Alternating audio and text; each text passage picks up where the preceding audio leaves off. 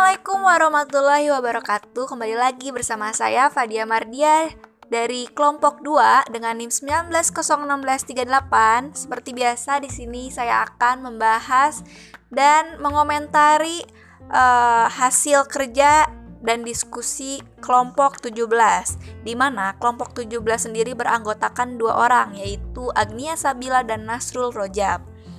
Di kelompok 17 ini mereka akan membahas mengenai buku Rethinking Social Studies Teacher Education in the 21st Century di mana akan membahas di bab 17.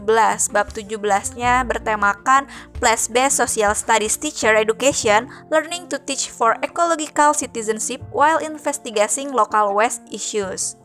Di sini pertama-tama saya akan mengomentari mengenai podcast yang telah disajikan oleh kelompok 17. Pertama-tama, Agnia Sabila dan Nasrul Rojab cukup baik dan jelas dalam penyampaiannya. Saya juga dapat mengerti apa yang disampaikan oleh Agnia dan juga Nasrul. Yang kedua ada Salindia dan makalahnya.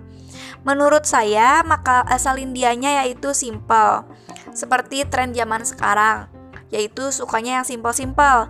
Tetapi menurut saya nih ada tambahan, e, boleh simpel tapi harus e, simpelnya yang menarik. Nah, pod, e, salindianya sendiri menurut saya pribadi kurang menarik. Mungkin bisa ditambahkan e, gambar vektor-vektor yang sekarang lagi kekinian. Juga bisa e, Kelompok 17 bisa sering-sering melihat contoh tema yang ada di internet. Tetapi itu balik lagi ke selera pembuat. Itu hanya saran saja dari saya. mengenai makalahnya juga dapat dimengerti. Oh iya, satu lagi saya di sini ada e, tambahan di podcast untuk Nasrul, saudara Nasrul kalau bisa karena ini kan bukunya bahasa Inggris. Mungkin sebelum disampaikan uh, materinya yang berbahasa Inggris ini, materi judul buku dan bab bukunya, bisa terlebih dahulu uh, cari di Google Translate bagaimana cara pengucapan dari judul buku dan bukunya karena bahasa Inggris sendiri harus uh, dilatih. Jadi agar kita terbiasa berbicara bahasa Inggris. Lama-lama kalau kita dilatih terus kan jadi bisa dan dapat dan dapat mengerti juga.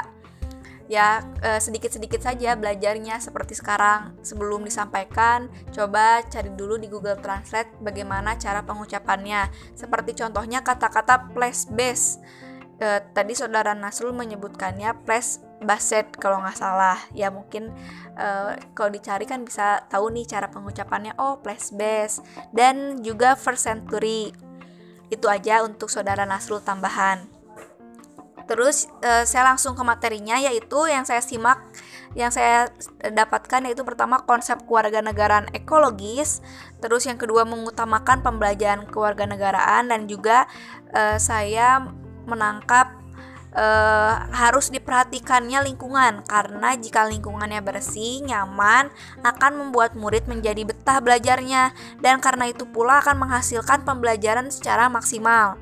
Pertanyaan saya sendiri yaitu bagaimana seorang guru menghadapi siswa yang di mana lingkungannya dalam kutip kurang baik karena tidak semua lingkungan nyaman, baik, bersih, dan lingkungan pula mempengaruhi karakter seseorang kan.